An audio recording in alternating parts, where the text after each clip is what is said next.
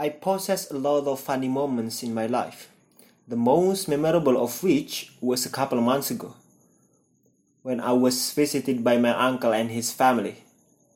At the time, I met my nephew, whose name is Sule, a three years old boy and very active person.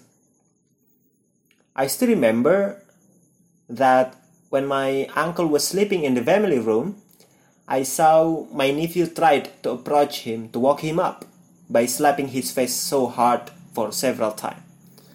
Unfortunately, he couldn't make it, so he tried again, slapping his face harder and faster with his two hands. But he failed again. His funny face and movement successfully made me laugh with the whole of my heart. Surprisingly, my nephew was crying loudly, which made my uncle wake up and a lot of family members came there to know what was going on.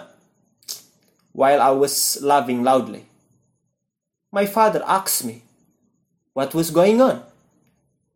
And I said I had no idea. Since, should I tell the truth, I would be in the deep water because I didn't give my hand to my nephew. So I came, so I entered my room and laugh again because I still remember how funny it was.